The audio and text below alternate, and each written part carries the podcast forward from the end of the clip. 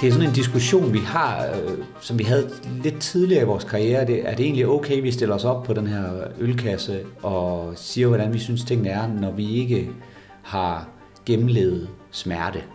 Altså er det overhovedet okay? Må en kunstner godt være glad som udgangspunkt?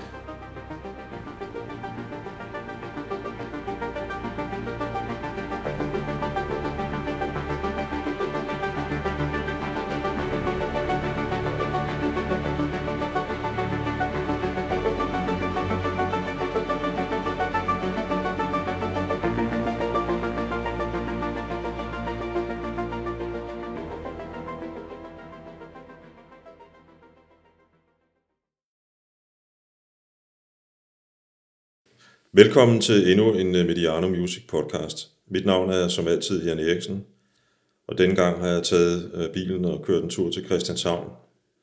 Så jo en bydel, der har sin egen rolle i den danske rockhistorie. Det er nærmest præcis 50 år siden Gasolins første album udkom. Men det er jo så ikke det, vi skal snakke om i dag. Jeg er på besøg hos øh, Lav Højen i Carbac Nords studie på Christianshavn. Øhm, lige for øjeblikket er Lav aktiv som solist også, men dog ikke mere, end at bandet stadigvæk består. Tak fordi jeg må kigge forbi, Laura. Selv tak. Tak fordi du gad at komme. Selvfølgelig. Øhm, du, skal, du har udsendt nogle singler her på det seneste, og skal på solo til efteråret. Ja. Øhm, og der kommer en EP på et eller andet tidspunkt, er det rigtigt? Ja, jeg tror måske, den plan er ændret til, at det bare bliver til et album simpelthen. Ja, okay. Jeg havde en plan om at udgive en EP først, og samle nogle af sangene, og så samle det sammen til et stort album til sidst. Men jeg tror faktisk bare, det bliver singler, indtil det bliver til et album ja. i efteråret. Yes, til efteråret samtidig med din turné. Ja, lige præcis. Og, og, og det er også vigtigt at understrege, som jeg gjorde indledningsvis, at uh, dit band jo stadigvæk, eller trioen der, eksisterer stadig. Det, er... det må man sige. Altså, du har jo i virkeligheden fanget mig på et ret sjovt tidspunkt, fordi jeg jo for første gang ligesom har kastet mig ud i nogle solosange, et soloprojekt. Øh, det er nogle sange, der har ligget der rigtig, rigtig, rigtig længe, øh, og som også har været ind omkring Carvac North, og lige sådan blive spillet for drengene, nogle af dem, øh, og vurderet, okay, det bliver, det bliver trods alt for stille til, til det, vi er gode til i, i bandet. Ikke?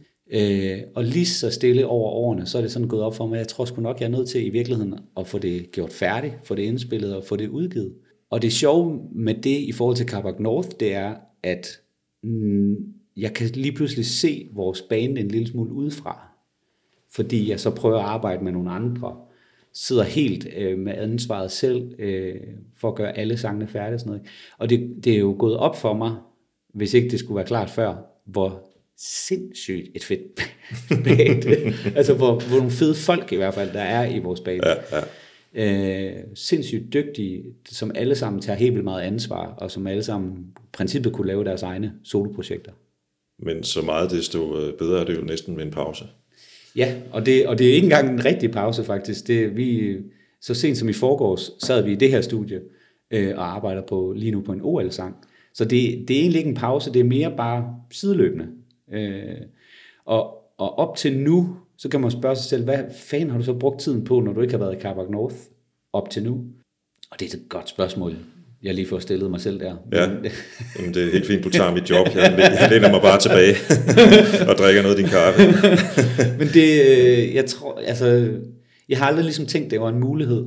Øh, og jeg har øh, altid været utrolig glad for vores band, og altid tænkt, at alle gode idéer skulle ende der. Og det synes jeg sådan set stadigvæk, de skal. Der er bare, det er bare blevet mig klart, at der er nogle ting, der bare ikke passer i et, et rockband. Ja. Det kommer vi tilbage til lidt senere. Ja. Øhm, indledningsvis hørte vi en smule af, af Daft Punk's The Son of Flynn. Mm. Den har jeg fundet på en playliste, fedt. du har lagt op på ja. Øh, Spotify. Nå, fedt. Dels kunne jeg godt lide, det er et instrumentalt nummer, det er et godt nummer. Ja. Men øh, hvorfor har du valgt det til den? Jamen, altså Daft Punk øh, er sådan en sjov øh, og afgørende øh, faktor, tror jeg, både i mit liv, men også i vores bands liv øh, fordi de kom frem og viste en ny måde at lave mere sådan melankolsk øh, elektro. Øh, op til det punkt kan jeg huske, der har været en masse Eurodance og sådan noget, og trance, og du ved, som var ren dansemusik, eller ren festmusik. Ja. Og det er som om, at Daft Punk ramte noget, som sådan var, øh, havde en melankoli i sig, eller en mol tonalitet i sig. Øh, Og i særdeleshed det album der, som de lavede til, til filmen Tron, øh, altså det var næsten, jeg synes næsten, det er noget af det bedste, de har lavet faktisk. Det er i hvert fald helt deroppe i top 3. Øh, De har så meldt ud, at de stopper nu. det er jo det. Det er jo klassisk stop på toppen move, som er så svært, og jeg kan ikke forstå, hvordan de kan gøre det. Altså, jeg har overhovedet ikke lyst til at stoppe. Jeg forstår ikke, hvorfor de har lyst, men, Nej, øh, men et eller andet sted kan man jo godt respektere, at folk vælger den løsning. Men, øh, ja, ja. Og det, øh, ja, det er et vildt band, Daft Punk. Øh, Jeg kunne i samme sætning have nævnt Bjørk. Hun har også været ja. virkelig vigtig. Øh, Var hun også det, da du i sin tid mødte Søren øh, på efterskole? Ja, altså hendes første eller andet album, altså jeg mener måske, jeg tror det var det første album, var kommet ud, da vi startede i 96 på Mellerup Efterskole, sådan og jeg. Øhm, så hun sprængte jo sådan en bombe, oplevede jeg, fordi hun jo på en eller anden måde transcenderede det der sådan alternativ og røg over i noget pop, øh, røg på radioen og øh, blev opmærk- altså mange mennesker blev opmærksomme på hende, ikke? Hvem var du der for de her 25 år siden, da du øh, mødte Søren på Mellerup? Hvem fanden var jeg? Jeg var en, der havde hørt rigtig meget Dizzy Miss Lizzy. Øh, blandet med Bjørk, og måske blandet med Daft Punk også. Øh, jeg havde haft nogle bands inden da, og spillede rigtig meget guitar og klaver. Øh, men der skete ufattelig meget på den dag efterskole. Øh, fik åbnet en masse døre i øh, sjælen, som jeg ikke anede, der var nøgler til. Altså, øh, blev fuldstændig smask forelsket den- de første par uger, som nærmest varede, som nærmest stadigvæk varer på en eller anden måde inde i mig. Der er i hvert fald åbnet nogle rum der, som ikke var åbnet før. Øhm, og som på en efterskole som Mellerup, som vi gik på, var der, øh, den havde et ry for sådan at tiltrække dygtige folk, øh, ambitiøse musikere. Ikke? Øh, så der var ret mange dygtige musikere.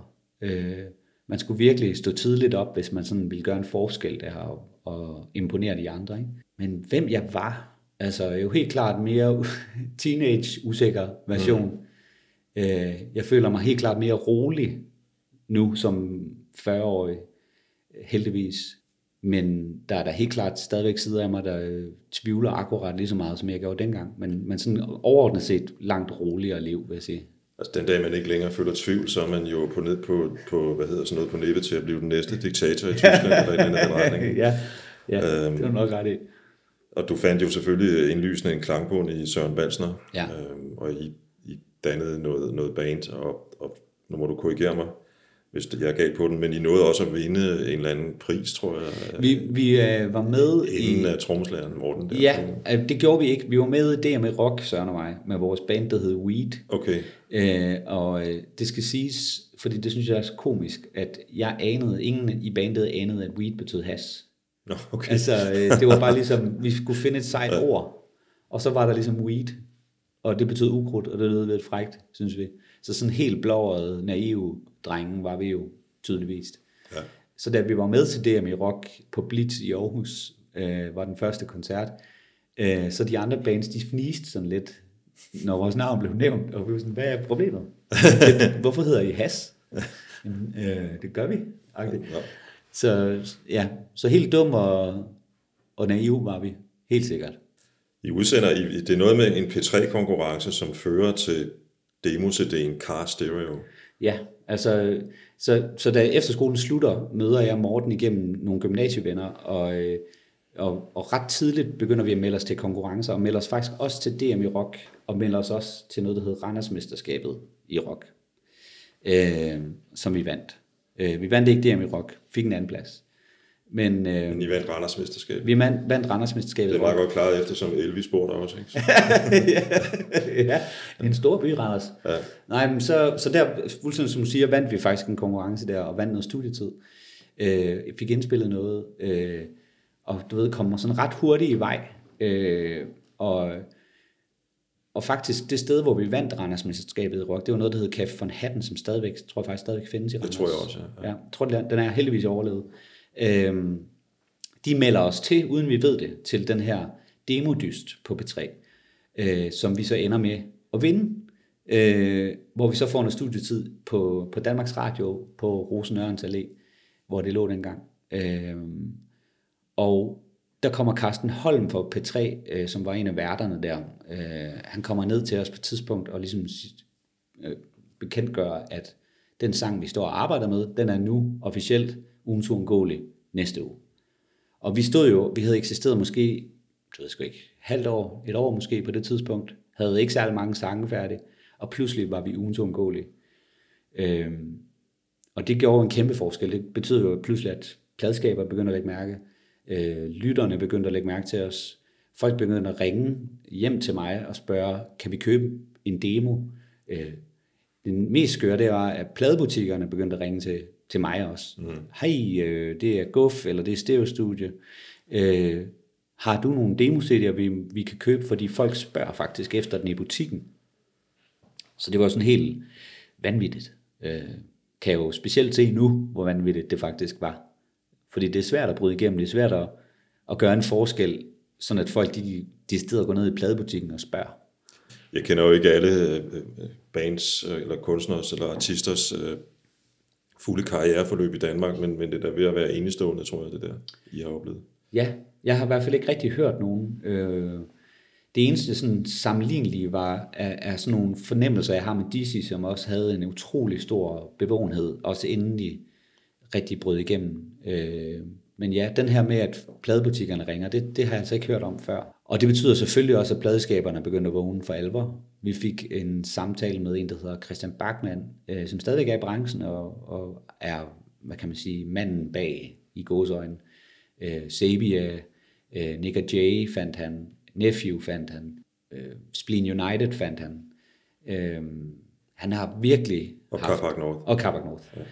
Øhm, og så alt, hvad der ligesom er sket derfra, er jo så, at vi kom i kløerne på dem, og de ligesom kunne forstærke alt det, der allerede foregik. Og vi var så heldige at få fem sange med i en film, som skulle udkomme stort set samtidig med vores debutalbum. Og den film gjorde det virkelig bredt. Det var en film, der hed Midsommer. Jeg synes, at øh, vi skal lytte til et af numrene fra dengang, ja. nemlig There's a Place. Ja, og det var jo den, vi indspillede i Rosenørns Allé. There's a place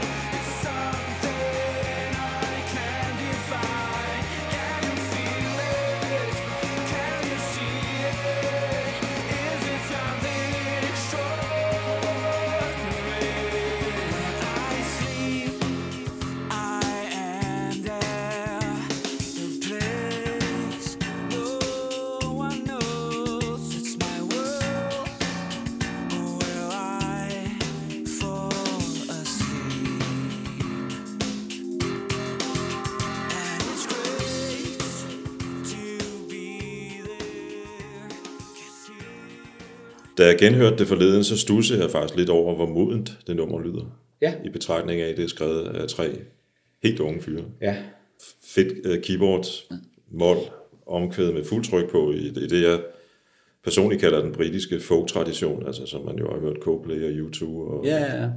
The Killers fra den anden side af Atlanterhavet, og Ja. øh, senere Muse og Jonah Blasmith i Danmark på det seneste. Det, det, det er ligesom en tradition, der går tilbage til den, den britiske folkmusik. Men Det er sådan set ligegyldigt. Det er et meget modet nummer, synes jeg. Ja, sjovt.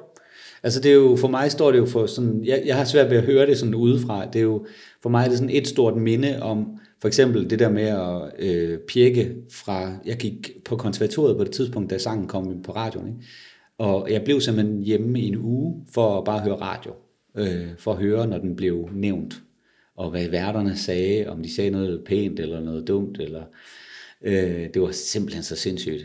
Jeg kan huske, at jeg stod i en tank en gang og hørte øh, ja, There's a Place på radioen. Altså, og det, det, det er den vildeste, den vildeste følelse. Altså, ja. jo, det, så, så mig, for mig er det sådan, er den sang sådan begyndelsen, det første øh, sådan lille frø, der blev plantet.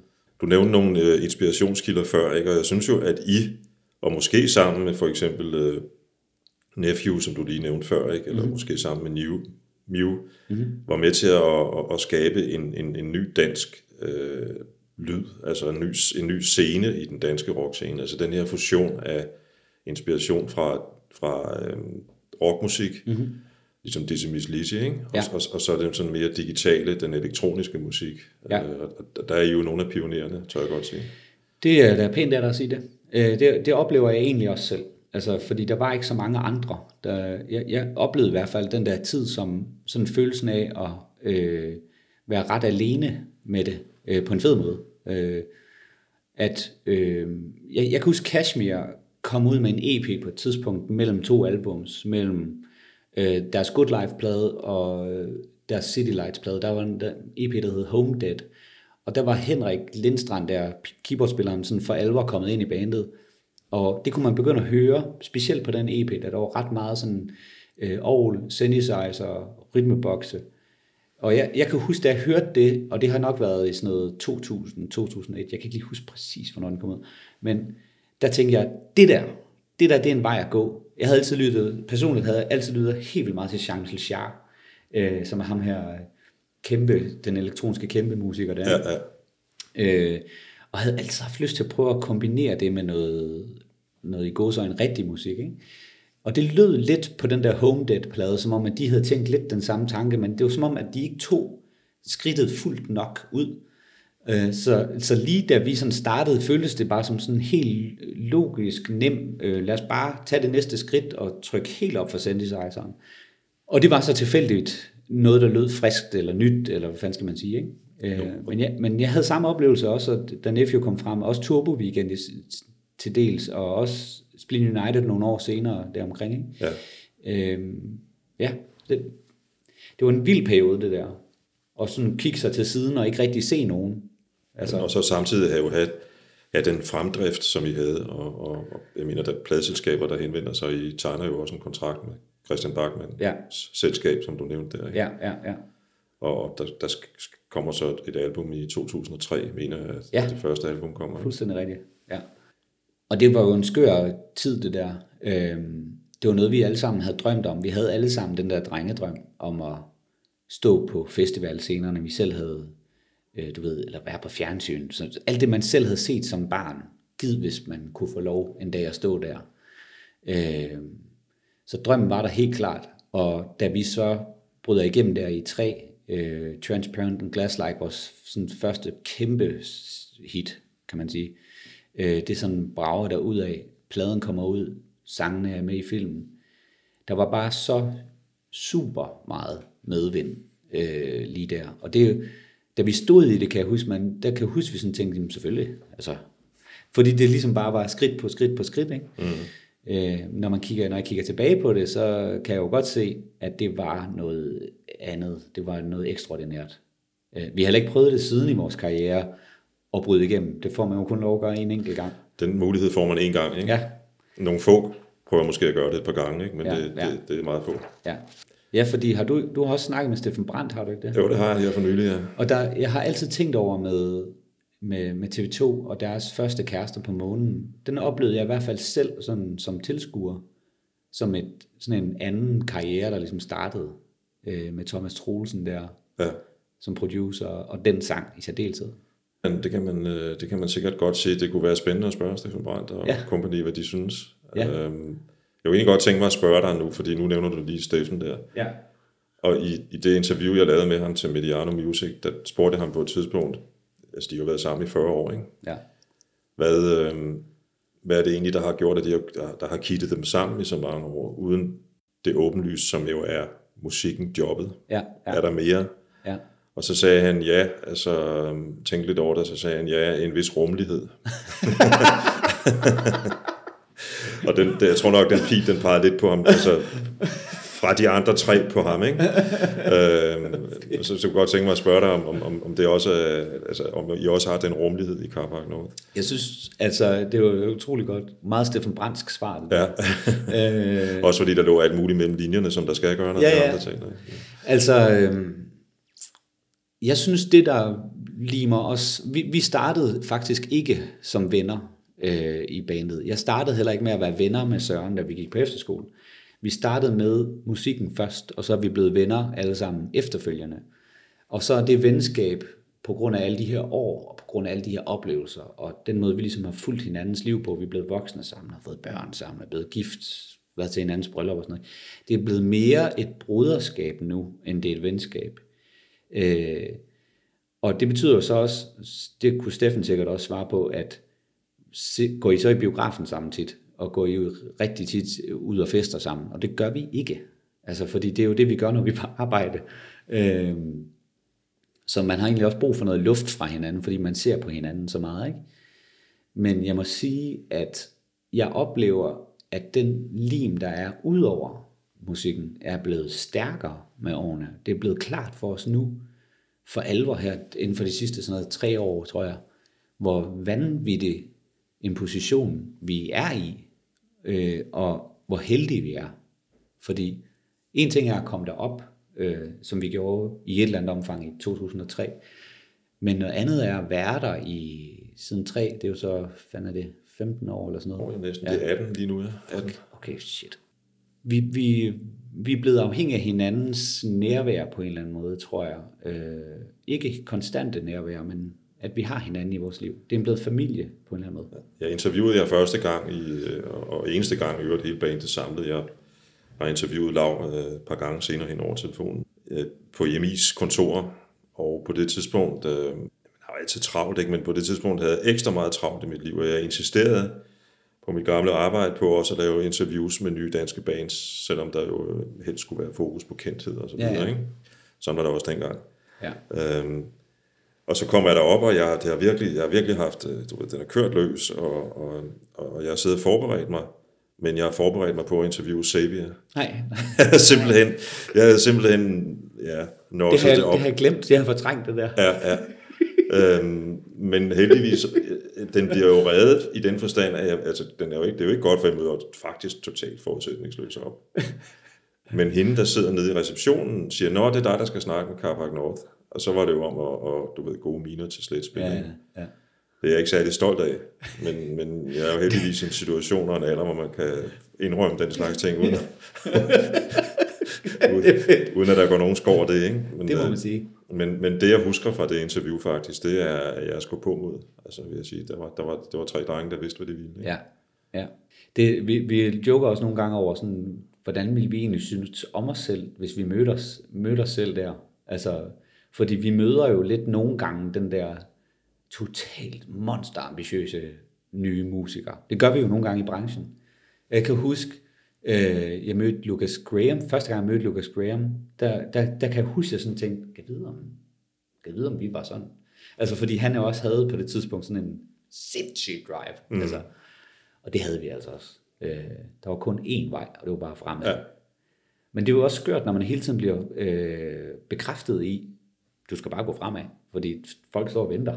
Der, er en, der, er en, der er en ting, øh, det, det året efter, jeg ved faktisk ikke, hvor meget det fylder i, i, i dig og jeres historie, men, men jeg, jeg kan bare huske, jeg mener, det er en af de gange, hvor jeg så har talt med dig i telefon, og I skulle, I skulle en tur til Irak. Ja, det er rigtigt, ja. Øhm, det Ja. var vist nok noget, DR havde arrangeret. Eller Ja, noget. ja, det er rigtigt. Ja, DR2 ville gerne øh, med ned til Irak, hvor vi skulle spille for soldaterne. Så vi bliver spurgt af hæren, hey, vil I ikke komme ned og underholde soldaterne? Det, der, det bliver folk, bliver alle mulige musikere spurgt om, ikke? Og det, vores første svar er, nej, det, det skal vi ikke, fordi det var den her meget betændte Irak-krig, hvor øh, har jeg indtryk af, over halvdelen af befolkningen i hvert fald var imod, at vi havde noget at lave dernede. Ikke? Mm. Øh, regeringen gik ligesom imod og sagde, det skal vi bare være med til. Ja, og den var også helt ny på det tidspunkt, Ja. ja. forholdsvis i hvert fald, efter 9-11 der. Ikke? Ja, ja.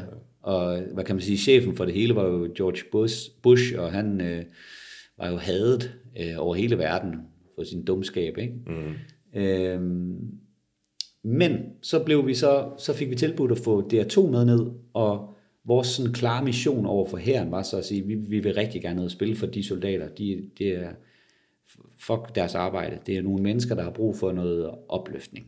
Øh, det vil vi til enhver tid gerne hjælpe med. Hvis vi så kunne få lov til at lave en dokumentar om det, og få lov måske at vise nogle andre sider af den krig, end vi får præsenteret i nyhederne. Igen sådan lidt naivt, men det var ikke desto mindre missionen. Ja. Øhm, og det kan jeg bare huske, det var en ret vild oplevelse af at være dernede, og så komme hjem, og så se, hvor forskelligt billedet var. Altså den måde, medierne dækker, dækker sådan krig på, og hvad de synes, der er vigtigt. Og hvad vi så dernede med egne øjne, øh, sikkert præsenteret venligt af herren. De tog os nok ikke de værste steder hen. Mm. Men det var meget, meget, meget forskellige øh, oplevelser, og det blev pludselig klart, hvor sådan sensationel al nyhedsjournalistik nødvendigvis må være, hvis folk de skal klikke eller købe. Ikke? Ja. Øh, og det kan jeg huske, at jeg bare blev helt vildt skuffet over, og følte mig helt vildt desillusioneret om, omkring. Øh, så var selve oplevelsen dernede jo ret sindssyg, fordi mm, altså, det var jo med veste og hjelm, øh, og vi har bagefter fundet ud af, at der var nogle tilspidsede situationer, de prøvede sådan at underspille, mens vi var der, men som vi fik at vide bagefter, faktisk havde været lidt farlige. Mm-hmm. Øh, og så var det også præcis den optur, det var, øh, som jeg håbede, det ville være, at stå foran de her mennesker, de her drenge, de her unge mænd. Øh, og af og til møder vi også soldater, der var der. Okay, det må være specielt, ja. Det er det, og de var rigtig taknemmelige og glade og øh, rørt til tårer over rockmusik øh, ja. på en måde, som de ikke vil være derhjemme. Ikke? Jamen, jeg tænker jo, at det må have været en helt anden oplevelse end øh, for jer, altså end, end at stå på Skanderborg Festivalen, for, Det- eller Smukfest for eksempel. Ikke? det må man sige. Der var jo altså super varmt. Der var 60 grader øh, i skyggen. Øh, det var så varmt. Øh, og så, altså ja, hele settingen var bare så vanvittig, som sådan en krig sikkert er, uden at jeg skal gøre mig klog på det. Men sådan føltes, det føltes vanvittigt, det føltes absurd. Og så at man lige i det der øjeblik kan stå i sådan en ørk, følelsesmæssig ørken, som det sikkert er for de her mennesker, de her soldater, og give dem en lille bitte smule vand. Sådan føles det lidt. Mm. Øh, det er ikke helt det behov, der er på en festival, vil jeg sige. Der sparker man ligesom bare til en fest, der allerede er i gang. Ikke? Og vel bliver der også drukket vand på festivaler, men, men det er også andet, ikke? Øhm, Jeg synes, vi skal lytte til et af de, de numre, som jeg øh, forestiller mig, I sikkert har spillet nede i Irak, nemlig Transparent and mm. Glass-like.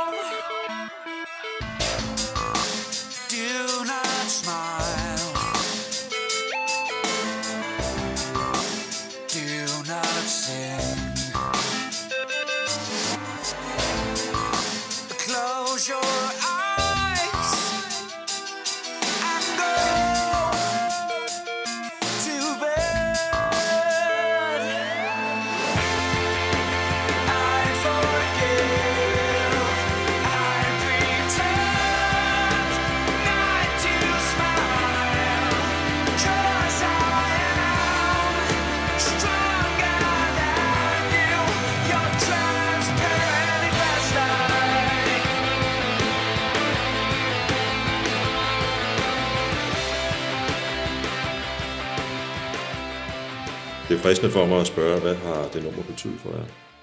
Det er til synligheden jeres største hit, hvis man Det er det. Det tror jeg ikke, øh, og det er jeg egentlig ikke, øh, det er jeg egentlig bare stolt af, at man har noget, der er sådan en, så stor en sang. Sangen betyder rigtig meget for mig, fordi, og for os, men for mig personligt betyder den utrolig meget, fordi den var en sådan semi-terapeutisk sang. Øh, Jeg blev overfaldet og fik nogle, som, som 18-årig eller 19-årig, øh, fik slået nogle tænder ud, sådan en helt uprovokeret overfald, ikke? og fik en reaktion på det en måneds tid senere i form af angstanfald, som jeg aldrig havde hørt om eller oplevet øh, før.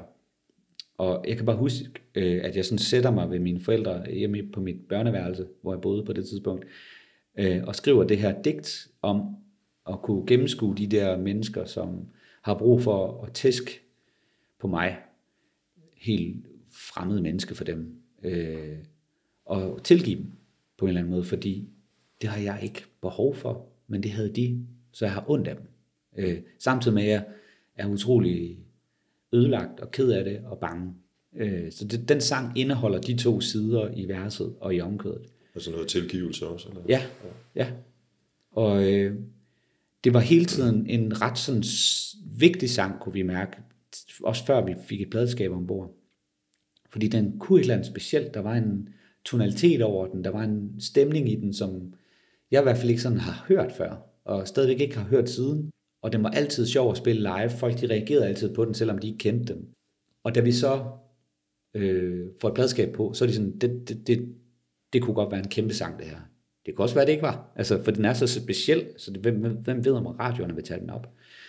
Og det gjorde radioerne så heldigvis. Øh, jeg tror endda The Voice, som jo normalt spiller mm-hmm. pop, pop, øh, de tog den på deres playlist, ikke? Altså, så den, den ramte virkelig bredt. Ja. Jeg, altså, og tilblivelsen af sangen var egentlig også ret speciel. Jeg ved ikke, har vi tid til at snakke om det? Du kører bare løs. Okay, fordi det er lidt en sjov historie. Øh, Jeg hørte rigtig meget Sting på det tidspunkt også. Han havde en sang, øh, som hedder Thousand Years, som havde sådan en speciel guitar-effekt på, som lyder lidt som fløjte. Og jeg drømte om at få den her guitar-effekt, og får den endelig. Den var ret dyr. Sådan en, en pedal, ikke? Og sidder så og efterligner det Sting, han spillede, som var sådan en rolle, ikke? Og ud af den rolle hjemme på drengeværelset kommer så faktisk temaet til Transparent and Glass-like. Og det spiller jeg så for drengene i øvelokalet, og med det samme stemmer de i, og det flyder ligesom over i det, der ligesom hedder, kan man kalde omkvædet eller broen, øh, med I forgive, da, da, da, da, da, inden man kommer til temaet. Øh, det bliver ligesom skabt, mens vi kører, øh, som en vaskeægte, god gammeldags jam. Og da vi ligesom er færdige med det, så kigger vi sådan på hinanden næsten med sådan tårer i øjnene, altså man er sådan helt blanke øjne, fordi man har lige oplevet et eller andet vanvittigt. Er der nogen, der kan huske det her? Hvad, er der nogen, der kan huske, hvad der blev gjort? Og vores bassist, han er sindssygt god til sådan noget, han kan altid huske sådan noget. Ja. Så det kunne han heldigvis. Ja. Øh, det var sådan en vanvittig, en følelse af at stå i lyset på en eller anden måde, det der. Øh, så rent øh, og skært. Jeg har tænkt på, altså jeg har også set jer live, ikke? men jeg har tænkt på, øh, vi snakker om det her med, med den elektroniske tilgang også. I optræder tre mand med hver sit, altså to guitarer, en bass og en, og en almindelig guitar, og så, eller flere, og så, og så en trommeslager. Mm-hmm. Var det svært at få det her lydbillede til at, at, at, at fungere live i begyndelsen? Ja, det var det. Og, og derfor så er vi jo faktisk også fire, når vi spiller. Øh, Så vi normalt øh, i begyndelsen, eller i, tidligt i begyndelsen var vi tre. Øh, Og det var, det var svært for, for at få alt det lyd ud. Øh, Vi havde backtracks med, Ja, det, det, det tænker jeg nok ikke, men øh, Ja. men det var stadigvæk svært at få det til at fylde nok. Og så står vi til en koncert på Train, og så er der en fyr, der hedder Anders, som ligesom banker på døren til backstagen. Han, han går på vores konservatorie, bare nogle årgange over os. Og så bankede han på og sagde, prøv at høre, jeg tror altså, I har brug for mig. så, det, det må man kalde en uopfordret ansøgning. ja, det var det. Ja. Og øh, så øvede vi med ham, og det var vildt fedt, og han spiller stadig med os. Ja. Øh, så når vi spiller live, så er han med, den kære Anders Birk.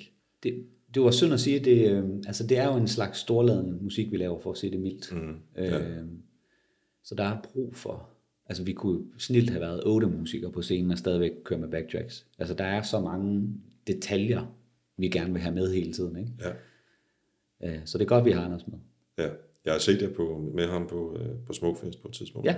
Og, og bemærkede faktisk, at øh, især fordi jeg er meget begejstret for Transparent and Glass-like, som, som mange andre jo er, mm. øh, bemærkede faktisk, hvordan, hvordan det kom til at lyde meget, som, som jeg synes, det lyder, når jeg hører det på... Øh, du ved, på, på, På indspilning. Ja, jeg har det ja. kun på CD. Jeg tror ikke, jeg har det på vinyl, men altså på CD. Ikke? Ja, Og hvor- det var, det var jeg meget glad for, fordi det, Ja. det, det er lidt sådan, at no- nogle af, ens, øh, øh, af de kunstnere, man har et eller andet forhold til, må godt sådan nyfortolke musikken. Altså Bob Dylan for eksempel, fordi han er faktisk ret ligeglad med, hvad jeg synes, tror jeg. Men ellers kan man jo meget godt lide, at, øh, at, at det lyder som, som man, man, Ja, altså et som man andet, kender det. Som man kender det, ikke? Og det er, det er jo meget sjovt, for den sang har vi jo. Vi har jo også prøvet at omarrangere Transparent øh, et par år efter, den var brudt igennem. Øh, fordi det gør vi faktisk med, med næsten alle vores sange. De får en tur i maskineriet jævnligt, fordi vi skal jo spille dem ret mange gange i løbet af 21 år. Mm. Øh, så for at holde det spændende for en selv, og bare af nysgerrighed, så omarrangerer vi på tingene. Og det har vi også gjort med Transparent. Problemet er bare, at det blev noget rigtig lort. Den der sang kan man ikke pille ved. Den skal bare spille, som den er. Mm. Øh, men mange andre sange kan godt tåle at få en tur i maskineriet. Ikke? Ap- Apropos øh, live, øhm, jeg har siddet og kigget lidt på, hvor, altså jeg ved jo, I har optrådt i udlandet, Ja. og, jeg, og jeg kunne se på, øh, på nettet, at, at I, I måske især var aktive i omkring øh, sådan slutningen af 00'erne, og 2008, 9, 10 stykker. Ja. Øh, altså, siden, jeg tror i 2005, øh, var vi på vores første sådan tur rundt i Europa. Øh, fordi at vores andet album havde en sang, der hedder Human, som Martin de Tour, filminstruktøren, lavede en øh, fantastisk musikvideo til med nogle børn, der danser. Øh, og den video var det vildeste visitkort. Og hvis ikke man har set den, så prøv lige at gå ind på YouTube og se den video, fordi den er faktisk stadigvæk, synes jeg, og jeg synes, der er gået så lang tid, så nu kan jeg godt sådan lidt objektivt sige, den holder stadigvæk den sang, og den holder stadigvæk den video, ikke mindst.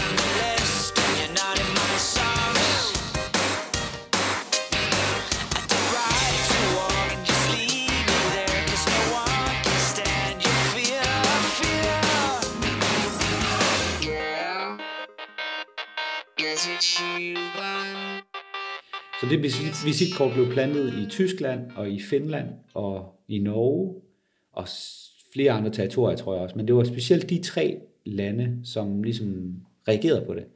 Så vi har været til, til diverse tv-shows i Finland og i Norge, og øh, turneret ret meget i Tyskland også. Øh, og så nogle år senere, så tog et band, der hedder 30 Seconds to Mars, som er sådan et amerikansk band med ham her, Jared Leto, øh, skuespilleren, mm-hmm. i front. Ja, Og øh, de har åbenbart været fans af os siden 2003, hvor de fandt Transparent Glass Like på Napster.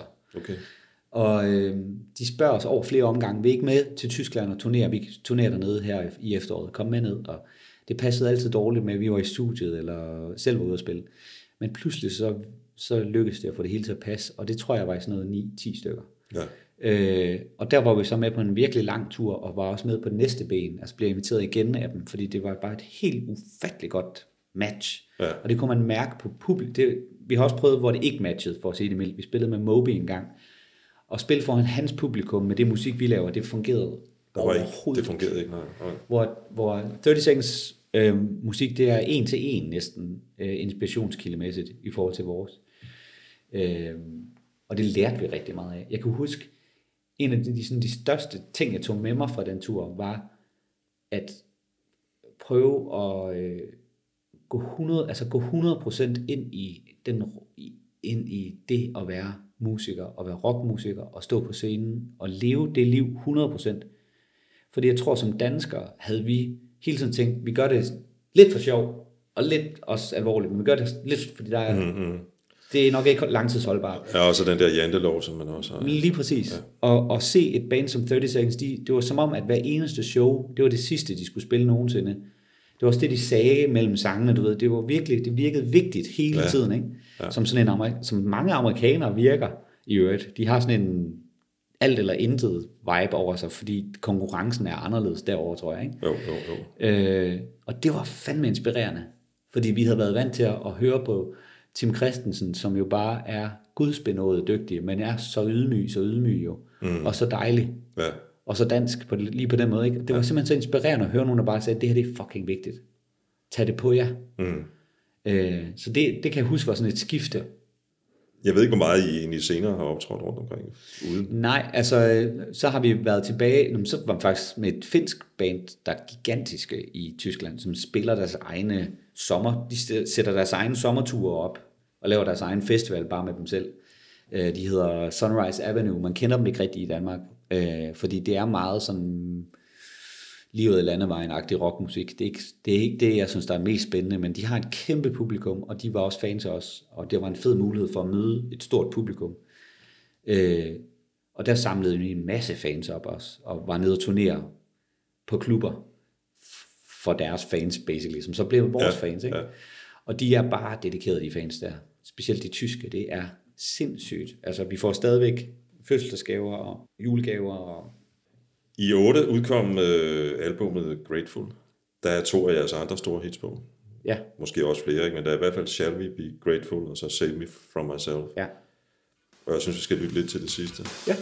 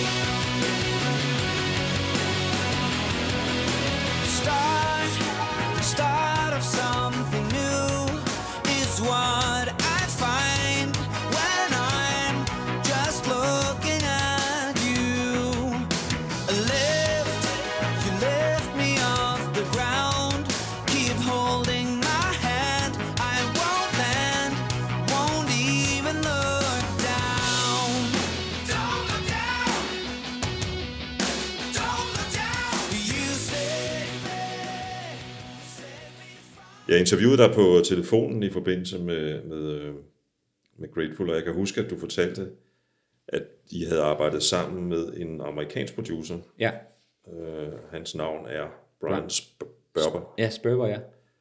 Hvad fik du ud af det samarbejde? Jamen det var, det var, det var i den periode med, øh, det, var- det var sådan en ret vigtig periode, fordi at den første, den første plade var selvfølgelig et stort gennembrud. Øh, Øh, nej, det var det ikke selvfølgelig, men det var det. Det var en kæm, et kæmpe gennembrud. Øh, anden plade øh, føltes, fiasko er et alt for kraftigt ord, men det var bare ikke pilen opad. Det var faktisk pilen en lille smule nedad, sådan pladesalgsmæssigt og sådan noget. Ikke? Så vi havde sådan lidt følelsen af, at den tredje plade, vi skulle lave, ville blive øh, sådan make it or break it. Øh, vi kunne ikke blive ved med at gå nedad i, i intensitet, øh, fordi så ville det gå til grunde. Så den tredje plade der blev, vi byggede et nyt studie ude på Amager et sted, og øh, øh, besluttede os for, at hver eneste sang på den plade skulle være en single. Altså, og det betyder jo, at man prøver virkelig at skære dem skarpt. Øh, vi skulle ikke lave noget som helst kunst på den plade, det skulle bare være hits. Øh, og det var en ret provokerende tanke for os selv, fordi vi også godt kan lide de der grænsesange, som nogle få elsker, som vi elsker, og som måske 10 andre mennesker elsker. Ikke? Mm. Men vi havde bare brug for sådan virkelig at gøre det allerbedste for at lave noget, der folk ikke kunne undgå at lægge mærke til på en eller anden måde. Så vi endte faktisk med at indspille hele pladen selv. Det var jo en del af det, at vi gerne selv ville prøve at producere. Øh, For nu havde vi det her sted, og vi havde opnået så meget, kan man sige, viden og været i så mange studier efterhånden, så vi havde en fornemmelse af, hvordan det foregik. Vores kære bassist var begyndt at producere os ret meget på siden, øh, blandt andet for Mads Langer på det tidspunkt og sådan noget. Ikke? Så han havde en rimelig god viden omkring mikrofoner og sådan noget. Og pladen er mere eller mindre færdig, og så får vi et opkald eller en mail på MySpace øh, fra Brian Spurber, som vi ikke anede, hvem var. Og at han ville gerne holde et møde, og han fløj til Danmark, og øh, han havde nogle tanker. Og øh, hans connection til Danmark er, at han kender nogle af dem fra Ravenettes, nogle af musikerne der. Så derfor havde han hørt om os, og han synes, det var vildt fedt, om vi kunne tænke os at lave noget sammen. Jamen, det kunne vi da godt, men vi var lige færdige med en blad. Og så sendte vi, hvad vi havde lavet til ham, og så var han sådan lidt, det der er super fint, men det, det kan da blive bedre. Nå, okay. Så vi startede ligesom forfra med indspilningen. Jeg tog til USA øh, og indspillede tre uger i New York i hans lille lejlighed. Lavede jeg vokaler som det første på bladen. Og det er altid det sidste, vi, har, vi plejer at lave. Ikke? Men han havde, hans tilgang var ligesom, at hvis vokalen er det, du hører næsten højst, og skal kunne høre ordene og sådan noget, så, så prøv at starte med det, i stedet for at starte med, hvordan bassen skal lyde.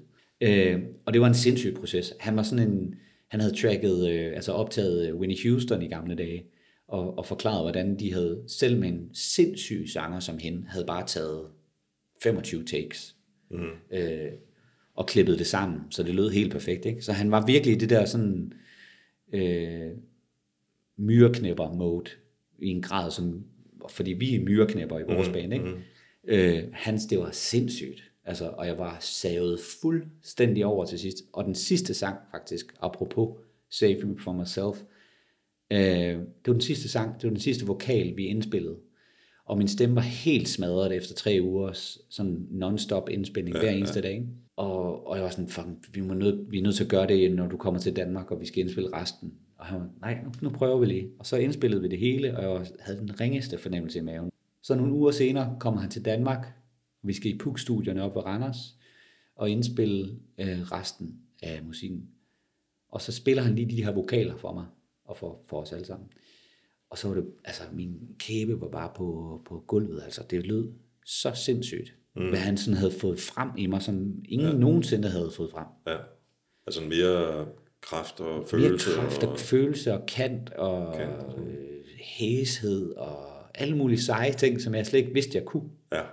Så det, det var den, sådan, den største forandring, han var med til at skabe. Det var et fokus på, at den, der synger for, faktisk fylder ret meget, så prøv at have noget opmærksomhed, ekstra opmærksomhed på Det var, den rolle. ligesom, det var ligesom læring af samarbejdet. Med. Ja, det var det. For indtil da var vi jo bare musikere, der synes det var, så kan du godt lige synge lidt lavt. Okay. Øh, sådan var det virkelig. Ja. Altså, de, de, da vi spillede til DM i Rock i starten, der, der stod jeg og fandt på teksten på stedet. og det kunne jeg jo ikke, så det var noget brøvl. Ja, ja, ja. Øh, Det må man kalde Q-tekst. ja, Q-tekst, ja. Nu snakker vi om tekster. Der er jo en, en sang på, på, på det her album, der hedder Cancer. Mhm. Mm-hmm. Og det kan jeg også huske, vi snakkede også om. Ja, Øhm, det er jo et tema, der er kommet til at fylde i din øh, karriere, kan man Ja. sige, øh, Ja. senere hen. Øhm, der var mange hundredtusind danskere, der så med, at du sang Troels øh, Gustafsens far vågne op ja, soon, ja, øh, på to- eller i toppen og poppen. ja. I dag ser jeg dig lidt som en ambassadør Ja, i forhold til, øh, lad os kalde det, kræftens bekæmpelse. ja. Øhm, men kan det ikke også nogle gange være sådan et lidt sårbart sted at være egentlig? Altså, jeg synes egentlig ikke, det er et sårbart sted at være. Øhm, det eneste, jeg sådan selv kan tænke, det er, altså fordi Cancer-sangen er skrevet, hvor min mor hun bliver syg og bliver rask, og man når at blive bange, ja. og det kommer, der til, det kommer på papiret på en eller anden måde, og mm. ned i en sang. Øh, Soon, der var hun så syg igen 10 år senere, Ja. øh, og uhelbredeligt syg. Og så var der faktisk også håb på øh, Hope-pladen, som også handler om det samme. Øh, det, og, og der er mange af mine nyere sange øh, i soloprojektet, som også Ja, det kommer vi til om lidt, ja. Ja, lige præcis. Ja. Men jeg synes faktisk, det jeg synes, der er det sværeste ved det, hvis der er noget, der er svært, så er det at være en lille smule opmærksom på ikke at give for meget af mig selv. Øh, jeg, har, jeg vil rigtig gerne dele det her, øh, fordi jeg både oplever, at det er rart for mig selv at, at sige det højt, øh, men jeg også oplever, at der sidder nogen derude og møder nogen derude, som, som kan bruge det, og som bruger det aktivt til sovebehandlinger, ja, til at få styr på tankerne. Øhm, men jeg kan også mærke på den anden side, at øh, jeg kan godt føle mig en lille smule tyndsligt nogle gange, og egentlig ikke være i humør til at dele så meget.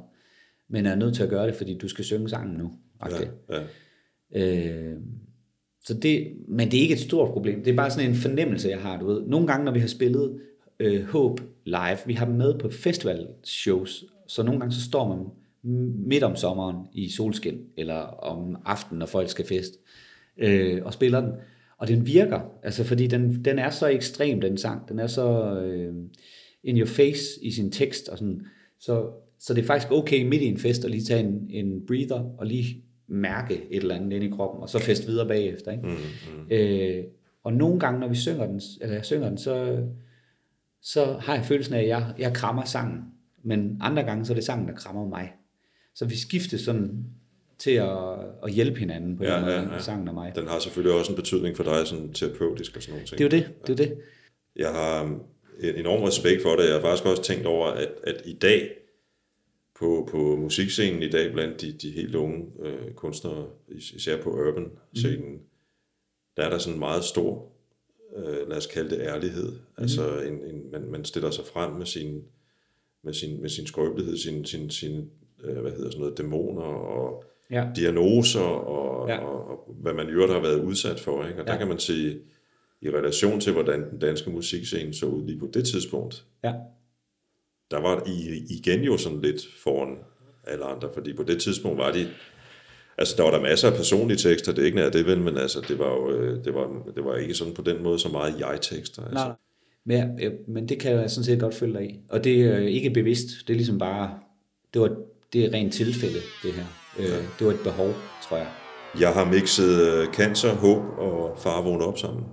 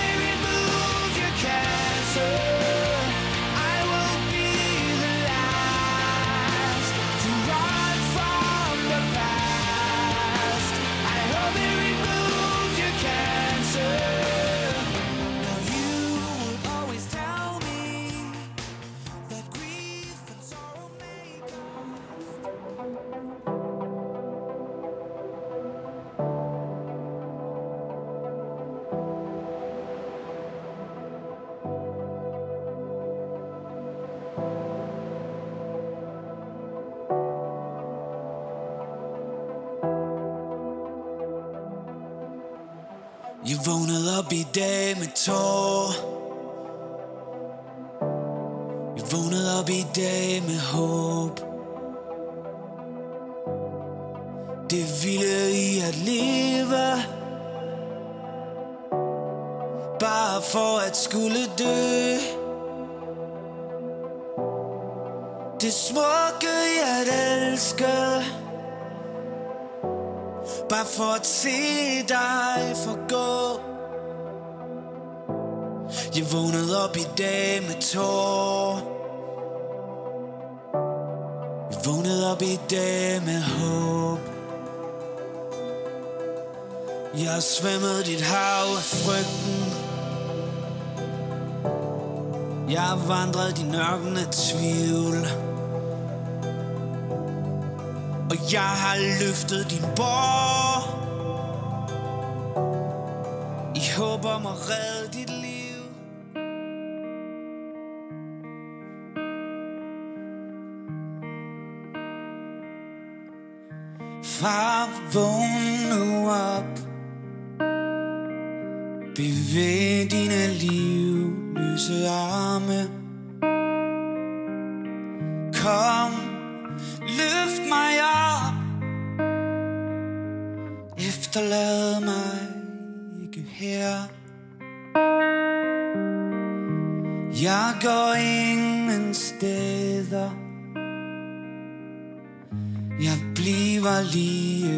mere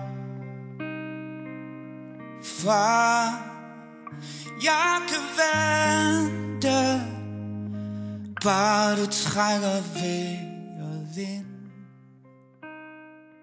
En anden ting, som, som øh, jeg synes er ret påfaldende, og som jeg har øh, virkelig har omfavnet med, øh, vil jeg ikke bruge klichéordet stor kærlighed, men, men øh, med stor glæde måske nærmere. Ikke? Det, det er sådan lidt en myte, at, at alle kunstnere, eller rigtig mange kunstnere, deres drive ligger i, i at man er måske kommet lidt skævt ind på livet. Ja. Øh, det kan være noget svigt, skyld, mm-hmm. voldelig baggrund, far, dys, hvad hedder sådan noget, dy- dysfunktionel familie. Ja. Og jeg synes, jeg synes faktisk, der er noget meget smukt i at høre dig, som ja, oven i købet af en mandlig sanger, udtrykke så meget følelse i forhold til din mor. Ja. Altså det, det, er, det er en helt anden historie et eller Ja, andet sted. Ikke? ja, ja. Ja, og det, øh, altså, der er ikke rigtig nogen af os i vores band, og heller ikke mig selv, som har lidt de store, kæmpe svigt. Vi er ikke født ud af armod. Vores kunst er ikke skabt i et mørke. Men øh, jeg tror, at noget, der er fælles for os alle tre, er, at vi er utrolig følsomme. Så på den måde, så mærker man ting og føler ting. Øh, må, måske lidt mere end, med, end sådan den almindelige menneske. Øh, så det er sådan en diskussion, vi har, øh, som vi havde lidt tidligere i vores karriere. Det, er det egentlig okay, vi stiller os op på den her ølkasse og siger, hvordan vi synes, tingene er, når vi ikke har gennemlevet smerte? Altså er det overhovedet okay? Må en kunstner godt være glad som udgangspunkt? Ja. Øh, og stadigvæk synge om melankoli? Øh, og der oplever jeg, at som jeg er blevet ældre, så er det blevet tydeligt, at det her, det er ikke normalt. Det, det vi kan. Altså det er ikke alle mennesker, det er ikke alle mine venner, der kan det i hvert fald. Øh, så for at undgå at tale for alle mennesker, men i hvert fald blandt mine venner er det, er det noget ekstraordinært at mærke ting så meget, som jeg lige gør, eller som vi gør. Og, øh, og så gennemlever man jo ting i livet, som alle mennesker gør. Og det er vigtigt, at der er nogen, der så, sådan oplever det også selv, øh, at der er nogen, der skriver en sang om det, som man kan høre og blive trøstet af. Det har jeg også selv brug for. Øhm, så, det, så med årene er jeg blevet sådan, fuck, fuck om jeg egentlig ikke er helt smadret ghettobarn, øhm, men egentlig bare sådan et glad forstads, forstadsmenneske. Der er jo i virkeligheden mange danskere, der det Ja. til stykket. Ja, jeg, jeg har sådan en, en oplevelse, som, som jeg tit holder op øh, for mig selv, som sådan en, en, en god poster på en opslagstavle. Jeg lige skal minde mig selv om, at, øh, at det er i orden, det du siger der. Ikke? Jeg lavede et interview med en, en kvindelig forfatter, som var flygtet over, øh, hvad hedder det, Middelhavet i en af de der både der, og faktisk mistede sin, øh, sin familie øh, undervejs. De var druknet. Fuck. Og hun var den, mener jeg, hun var den eneste tilbage i båden. Måske, nej, hendes lille barn var der også, som hun, nej, nej, det var ikke hendes, det var det andet barn, hun holdt ved, krammet undervejs i båden der, ikke? og så det overlevede. Ikke? Og så siger jeg til sidst, i, det var sådan skrevet en bog om, ikke? og så til sidst skriver, siger jeg så til hende, det er sådan lidt, perspektivet her er sådan lidt, lidt, øh, lidt skævt, ikke? fordi hun sad lige foran en plakat, en plakat for Springsteens øh, erindringer, Born to Run, og her havde vi altså virkelig en, der havde brug for, ja, der var Born to Run. ja, ja, Og så sagde hun så, vi har alle sammen vores scars, Ja. vores sår, ikke? og ja. det, er jo, det er jo sådan, det, altså, ja, ja. det kan man godt have, selvom man er vokset op i en Jo, jo, jo, fuldstændig. i en lille have. Ja. Øhm, jeg synes, vi skal snakke lidt om, om dit, dit soloprojekt, men jeg synes faktisk, inden da, der kunne jeg godt tænke mig at spille øh, en, en, lidt af, af den øh, version, du indsang af Ingemanns salme tit er jeg glad sammen. Ja. Jeg mener det med radioens pigekor. Ikke? Ja, det er rigtigt.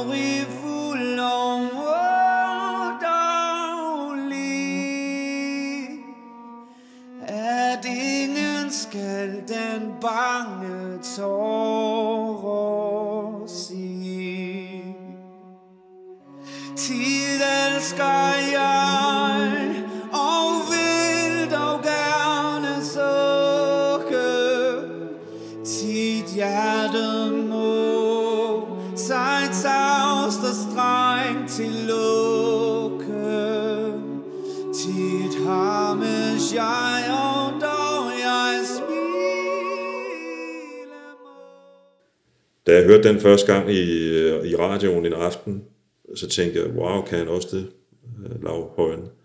Øh, hvor kom det fra? Ja, og det er jo sjovt, du vælger lige det der, for det er jo faktisk porten, du... Øh, Det anede mig. ja, det er jo porten, det der. Øh, fordi det både er øh, en port med en gang bagved tilbage til min øh, barndom, øh, til det der med at sidde i kirken og synge salmer, men også til, øh, øh, vi sang ret mange sange der, fra højskolesangbogen, sådan ved højtider i min familie. Ikke? Øh, det gjorde vi også på, på min efterskole, det gjorde vi også på min højskole. Øh, der er en sangskat der, som jeg er blevet eksponeret for øh, gennem hele mit liv. Øh, og jo ligesom med eventyr, ligesom H.C. Andersens eventyr, så er det så sjovt at opleve dem over årene, hvordan, de, hvordan ens perspektiv forandrer sig, og hvordan man ser anderledes på de gode og de onde. Øh, sådan er det også med de her sange. De kan følge en igennem et helt liv, og så ser man dem pludselig i et andet lys. Og øh, det er en kilde, altså det her danske, øh, som jeg stort set ikke har dyrket overhovedet faktisk.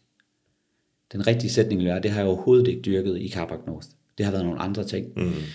Og øh, så er jeg med i toppen af poppen og laver den der sang til Troels Suen-sang der, ikke? Øh, Far vågn nu op. Og pludselig så er sådan, shit, jeg kan kunne da skrive på dansk, det anede jeg ikke, jeg kunne. Øh, det skete ligesom ved et tilfælde, et, et slags uheld nærmest, ikke? Og lige derefter hiver pigekoret fat i mig og beder mig om at synge de her sange. Øh, og så kunne jeg bare mærke, okay, det her kan et eller andet, som ikke har en skid med Carbac North at gøre, det skal jeg øh, dyrke. Men hvordan? Mm. Og så kunne jeg også, som sagt se de her ting ligge i skuffen, som ikke rigtig passede Carbac North. Men lige præcis det med pigekoret, lige præcis den her sang, øh, er noget af det, jeg virkelig trækker med ind i, øh, i mit soloprojekt. Og faktisk så har jeg sådan en skjult, nu kan jeg så fortælle det til dig, og dem, der lytter til det her, de skal love mig at holde det her hemmeligt. Jeg har en skjult dagsorden, eller en skjult mål mm. med mit projekt. Den, den vildeste succes, det her projekt kunne få, nu skal jeg passe på, og nu kommer jeg sikkert til at jinx det, det vil være at ende i en højskolesangbog. Det vil være det vildeste sådan checklist med det her projekt. Det er egentlig lidt derfor, jeg gør det. Mm. Øh, eller, det er overhovedet ikke derfor, jeg gør det, men det, det vil være et mål. Ja. Det er ikke et mål at ramme en radiokanal med det her. Det er ikke et mål at sælge tusindvis af plader, eller stå på en festival. Fordi det gør jeg ligesom med det andet bane ja. der. Målet med den her, det er at ramme noget, der er tidløst. Og øh, ja, tænk sig, hvis man kunne ende i en af de store sangbøger. Øh, så tror jeg ikke, der er meget mere, jeg skal her i livet, faktisk. Jeg ved ikke, hvordan det var på den efterskole, du gik på for, for snart mange år siden, men, men den var jo med til at forme dig, som du sagde indledningsvis. Ja. Men, men øh, åbenbart også på den her måde. Ikke? Altså, Det må man sige. Og, og en sjov fun fact med lige præcis den efterskole, jeg gik på, Mellerup, der ligger en kirke lige i nærheden, hvor der var en menighedspræst, der hedder... Åh, oh, det burde jeg kunne huske, men han har et navn, og det er forfatteren, det er poeten bag Se nu stiger solen ja, og Tunge mørke natteskyer. Og på Mellerup synger man jo så selvfølgelig Se nu stiger solen som den første sang, fordi det ligesom er mm. områdets sang. Ja. Øh, og den sidste sang, og så hundredvis af gange i løbet af året.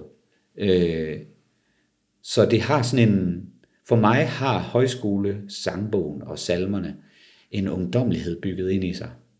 Selvom de fleste mennesker tænker, det er noget med nogle gamle mennesker, der sidder i en kirke eller til et foredrag med, øh, på en eller anden højskole.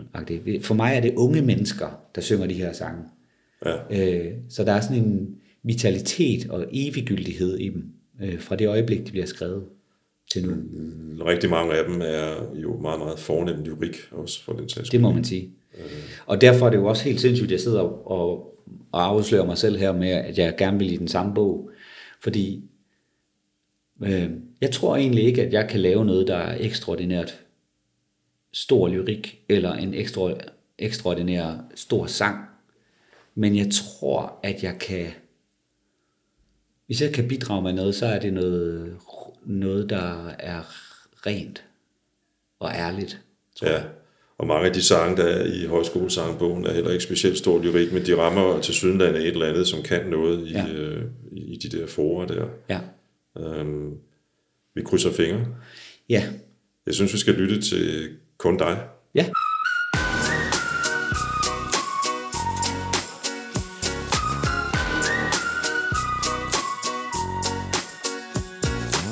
Og hvem på dig det sværeste, jeg har prøvet nogensinde var gråt, og jeg gik rundt i blind. Og der var du, og alting er nu smukt og forandret her. Jeg ved ikke, hvad jeg skal gøre. For alle mine sange er skrevet med et heartbreak. Nu spørger mine venner,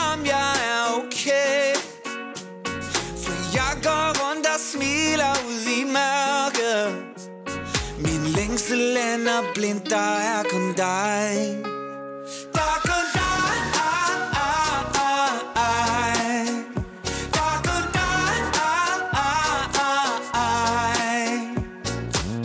Kan du huske det store hvide hospital? Husker du, hvor bange vi var? Det var klart, at alting var tabt, hvis du ikke længere skulle være her mere. Jeg vidste ikke, hvad jeg skulle gøre. For du er blevet grunden til, jeg lever. Og græder du, så græder jeg med dig. Jeg ved ikke, hvor du starter, og jeg ender. For vi er smeltet sammen, dig og mig. Jamen det, altså kun dig er jo sjov, og øh, nu hvor vi har snakket højskolesangbogen, for lige præcis den her sang, den tror jeg ikke kommer i højskolesangbogen. Det, det, det er den slet ikke øh, lavet til. Det er en popsang, Ja, øh, som faktisk har været omkring Carbac North også, øh, og vi havde sådan, det, det, det, det kan vi ikke få til at passe i et rockband det her, men hold fast var den catchy. Øh, og så tænkte jeg, nu laver jeg den sgu færdig, og, øh, og så putter jeg den ind i det her soloprojekt. Og så synes jeg faktisk, det lykkedes at lave den i en version, så det virker troværdigt i forhold til resten af det, der foregår. Øh, den, den søde lille sang om min... Øh, jeg synes, grund til, at jeg siger, at det er en sød lille sang, fordi jeg den har sådan en nem en lethed i sig, den her sang. Øhm, også i arrangementet. Eller? og i arrangementet er melodi og sådan noget, ikke? Øh, men det er jo egentlig faktisk født af, at jeg har en kone, som jeg er vildt glad for. Og når man så bliver lidt ældre, eller whatever, sikkert også når man er ung, hvis nogen bliver syge i et kæresteforhold eller ægteskab, øh, så kan man nå at blive utrolig bange, hvis man, øh, hvis man er afhængig af hinanden, som man jo er der. Heldigvis så viste det sig øh, ikke at være noget alvorligt med min kone, men, men der var nogle timer, hvor, hvor man ikke ved, om man er købt eller solgt. Ja, Og, øh, og det, øh, det handler den her sang faktisk også lidt om. den er jo, som du, som du selv er inde på, den har, den, den har været fremme i, i lyset om, i forhold til, om Carbac Nord kunne bruge den til, til noget. Ikke? Mm-hmm. Jeg synes jo også, den er sådan, altså, den, den lyder anderledes end, mm. end Carbac Nord. Der er en, altså, det er jo ikke, fordi der ikke er intimitet i jeres øh, sange, for eksempel øh, Håb, som du Ja, ja, har snakket om tidligere. Ikke?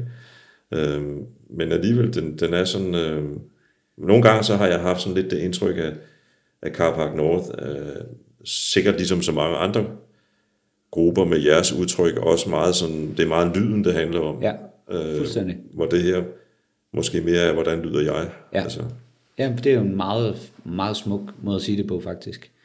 Og øh, hvis jeg kunne, så ville jeg øh, spille alle, indspille alle sangene på et klaver eller en guitar og en vokal. For det er det, de faktisk lavet i det univers, alle de her sange i det her soloprojekt. Det bliver så lidt kedeligt at høre på i længden.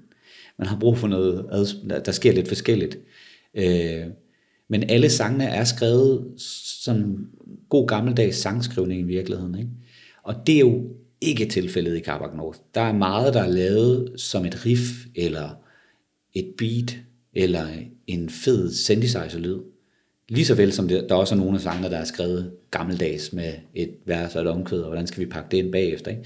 Men, men jo, altså vi er øh, lige så meget en stemning. Carbac North er lige så meget en stemning og en energi. mm, ja, ordet, ordet energi er vigtigt i den Ja, her sammenhæng. ja, det må man sige, ja.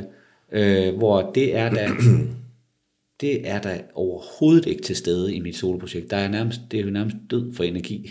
Det handler om noget helt, helt andet. Ja. Det er en helt anden slags film, man skal se, når Ja. ja. man skal ind i biografen og se mit projekt der. Hvordan har det været? øh, Altså nu har de jo været ude et stykke tid. Ja. Øh, hvordan altså kommet der respons på det? Eller? Ja, altså det, det, er jo, det er jo ret vildt at starte forfra. Sådan føles det lidt. Samtidig med, at man er i gang med sit liv. Med, det, med, det, med ens rigtige band, eller hvad skal Jeg sige. fra, at du også er far og sådan noget, ikke? Der er jo nok jo, at jo. se til. Ja, jo, det er jo det. Ja. Øh, men det er vildt at øh, skulle præs- at blotte sig selv så meget. Det, det gør man ikke særlig meget, når man er 40, oplever jeg i hvert fald. Øh, det gør jeg ikke ellers i mit liv. Jeg blotter mig egentlig ikke særlig meget. Jeg blotter mig egentlig ikke med Carbac North, fordi jeg føler ikke, jeg blotter mig, fordi jeg er vant til de, den spillebane, vi er på. Ikke? Så når vi udfordrer noget, så er det inden for en eller anden form for spillebane. Hvor det her, det er omklædningsrummet, eller du ved, et helt andet sted i byen. Øh, så det, det har føltes virkelig hudløst at skulle udkomme med det her. Og jeg havde en ægte fornemmelse af, at det kan sagtens være, at der er ingen, der synes, det her det kan noget. Men jeg havde også samtidig sådan en fornemmelse af, at der er nok måske lige præcis en eller to, der synes, det her det er fedt. Men måske ikke 10.000. Altså, jeg aner det ikke. Nej. Det, det kan også være, at i 10.000 synes, det er fedt. Men det, men det er jo også der, det er jo rigtig sjovt at lave noget, når man, når man ægte ikke ved, hvad udkommet bliver. Det er jo også lidt en del af det her, ikke? Altså, at blot sig selv fuldstændig, og så se, om man faktisk kan opfinde noget nyt. Det, det er jo øh, total respekt for det. Ikke? Det er jo også noget med at bevæge sig ud af en eller anden form for comfort zone. Ikke? Altså, der kan også være den der, du, du snakker om før, følsomheden, altså usikkerheden. Tør jeg gøre andet, fordi Ja. måske kan de ikke lide mig, hvis Ja, ja. jeg... Fuldstændig. Og, og jeg har også øh, tænkt over i årene op til, at jeg ligesom tog mig mod til det her, og bandet i høj grad også sagde, nu skal du gøre det her. Kom nu lige. Altså, seriøst, kom nu. Vi kan sagtens lave lidt hul til dig, så du lige kan få tid til at lave det her. Så de har jo været med til at presse på lige så meget, som jeg selv har. Øh, jeg har også tænkt sådan, skulle, jeg, skulle man lave en Carbac North-plade på dansk om min mors sygdom og død, øh, og mine piger og min ven, øh, der sidder i, i en bil med sin far, og bare drømmer om at sidde der for evigt, fordi han er en skilsmissebarn og bare bliver hentet ved toget og skal sige farvel til sin far lige om lidt. Ikke? Og, og øh, jeg, jeg tror, vi alle sammen var enige om i bandet, at ah, det skulle ikke... Altså selvom det kunne være fedt, at North går helt nye veje, og det er altid skide spændende, når bands gør det, så var det bare som om, at det her det var så personlige fortællinger på en eller anden måde. Så det ville virkelig blive lavt med band lige pludselig i Carbac Northland. Ikke? Ja. Det, det, synes jeg, det tror jeg, vi alle sammen synes var lidt ærgerligt. Fordi Carbac North er lige så meget Mortens trommer. Altså han spiller så sindssygt. Og bare tage det helt ud af ligningen og med en akustisk guitar, det vil fandme være synd. Altså, øh, fordi vi er ikke færdige. Vi har stadigvæk flere rocksange i os. Ikke? Ja, ja, ja. Siden du begyndte at synge sange om det, jeg vil kalde altså eksistens, øh, hvor, hvor, hvor det på en eller anden måde handler om det, der strækker sig ud mellem liv, livet, at man bliver givet og, og død og sådan nogle ting, mm-hmm. især i relation til din mors øh, sygdom, ikke? der har jeg, øh, det har jo været med til, og, og så nu her, din singler har også været med til at åbne øjnene for, for, for noget af jeres gamle musik, mm. altså gamle i gåsøjne. Ja, ja. Men, men, øh, og det synes jeg, det, det synes jeg er fornemt, ikke? fordi det skal da ikke være nogen hemmelighed, at, at, at min tilgang til hele den scene, vi talte om i begyndelsen, den var meget skæv, Ja. fordi jeg nok var på et tidspunkt på et sted, hvor, hvor ligesom der skulle være noget sjæl og noget blues, og det skulle, Ja, det ja, ja. skulle sådan noget i det. Alt det, Klart. der, alt det der elektroniske blip blip, ikke? Det var, Ja. Jo, hvis det var New Order, så var det fedt, ikke? Ja. Eller Human League. Fair nok. Øh, men det har da været for mig, fået mig til at åbne øjnene op for, at der er meget mere i de der oprindelige sange, end jeg egentlig gik og troede. Ja, Og, og på den måde kan man sige, at det, det kan du ikke leve af, vel? men altså, det, det, på den måde kan, kan det her sidespring, eller man måske kalde det jo også, være, ligesom, være med til ligesom at uddybe noget af det, I allerede har lavet, måske Ja. et eller andet sted. Ikke? det, men det, det er sjovt, fordi vi har jo også, øh, vi faldt tilfældigvis over en sang på vores anden plade her for nyligt, øh, fordi vi faktisk øh, udgiver de første par sange, øh, undskyld, de første par plader som vinyl for Ja. første gang. Øh, og så skal man jo lige lytte dem igennem, og få at høre, om trykket er lavet ordentligt og sådan noget. Ikke? Øh, så vi får hørt de her sange igen, og bliver ret inspireret af os, af vores tidligere unge jeg. Ja. Øh, og den sådan, øh, sådan effortless kreativitet øh, sprudler lidt ud af de der første par plader, ikke? som det tit gør med næsten stort set alle kunstnere. Ikke? Ja, Altså, ja. og det var, det var sgu ret øh, vildt at sidde og høre. Og glemt var alle de der små detaljer, man altid havde gået og irriteret sig over, ikke blev som det blev i mixet, og alt sådan noget. Ikke? Det var glemt alt sammen. Tilbage stod bare ligesom, hold kæft mand, det har vi tre lavet sammen det her, og hvor, hvor, hvor det der sådan sprøjter på en eller anden måde, sådan føles det lidt. Køreturen og, og flyveturen, det, det, det er sådan to forskellige former for ture. Hvad er egentlig baggrunden for de Jamen, øh, køreturen er, er, er den her historie om, øh, om min gode ven Mathias, som er skilsmissebarn på sådan en skør måde, hvor moren og faren bor hver sin ende af landet. Og når han så var i København og besøgte sin far, bliver han hentet i bil. Og øh, han, den familie, han har, faren derovre, der er masser af børn. Så han er aldrig rigtig alene med Mathias. Og det eneste, Mathias vil, det er at være alene med sin far. Mm. Fordi nu har han ham der. Og der har han nemlig fortalt mig sådan tidligere i hans liv om de her, eller i vores liv, om, om de her køreture, hvor han bare havde sin far helt for sig selv, og samtalen var helt intens, bare de to. Ikke? Ja. Øh, men det er også noget, jeg kender fra mit eget liv. Du ved, masser af køreture, hvor man snakker pissegodt, fordi man ja. sidder, man skal ikke andet. Ja. Øh, så det er en sang om det, om det der moment, man kan have. Øh, og sådan helt specifikt lige på min ven Mathias, der, ikke? det der inspirationen kom fra. Flyveturen er en anden historie. Det er, øh, hvordan jeg sidder på et fly på vej til Færøerne, og bare kan mærke, at jeg egentlig er ved at blive mere og mere flyskræk, som årene går, og sidder i noget turbulens, og kan bare sådan i min fantasi se, hvordan vingerne de er ved at øh, brække af flyet, og hver gang jeg sådan blinker med øjnene, så ser jeg min datter for mig, og hun bliver ældre og ældre. Hun starter med at være syv år gammel, som hun var på det tidspunkt, jeg skrev sangen. Så bliver hun ældre og ældre, og bliver teenager og bliver voksen. Og så i det øjeblik, flyet det rammer vandet, og jeg synker ned, så står hun ligesom på havoverfladen og rækker hånden ned efter mig og prøver at hjælpe mig op, men kan ikke. Jeg synger bare ned. Mm. Så det er sådan en katastrofe, flyskræks, jeg vil ikke dø fra mine børn, det så. Ja, ja. Meget fornemt, synes jeg. Mm. Og egentlig synes jeg bare, at vi skal, skal sige tak for den gang. Det er mig, der takker. Virkelig. Det er jeg glad for at høre. Og fedt, du er så forberedt. Det er en del af humlen i det her. Jamen, det, du, det, er det, det, det som podcast, det er det, som podcast skal kunne, kunne, skal kunne kunne, det er at gå i dybden, ikke? Ja, Modsat det virkelig muligt andet. Ja. Og så vil jeg bare lige sige, har du et eller andet øh, site, eller et eller andet, hvor folk kan gå ind og kigge på din turné? Som du Ja, nævnte? øh, de kan jo vel bare gå ind på lavhøjen.dk. Det kan sgu ikke være nemmere. Nej. Tak for i dag. Selv tak. Så så jeg dit ansigt. Glade øjne, hud af liljer. Syv år fri, lykkelig.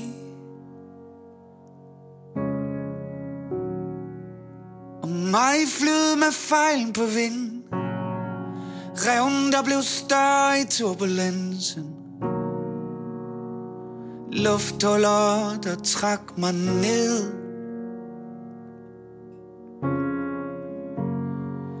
Der var dit ansigt bag min øjenlåg Smilen om morgen i morgensolen Kaldte på mig helt langsomt som et råb i en skov.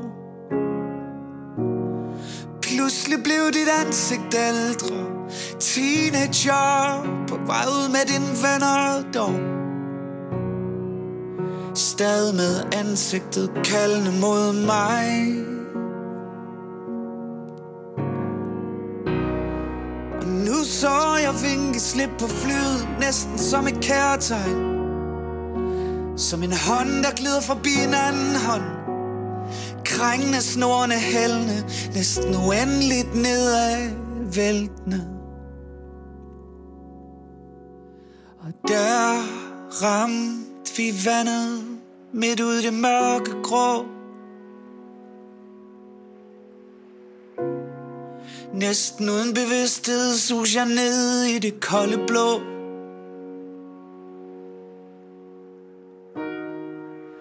Og der står du på vandets spejl Rækker hånden ud efter mig. Men jeg trækkes bare ned. Din varme hud Og en det sort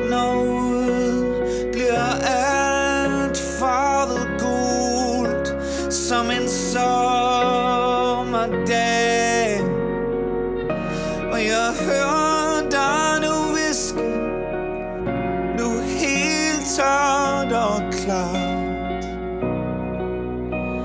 Hvor er du, far?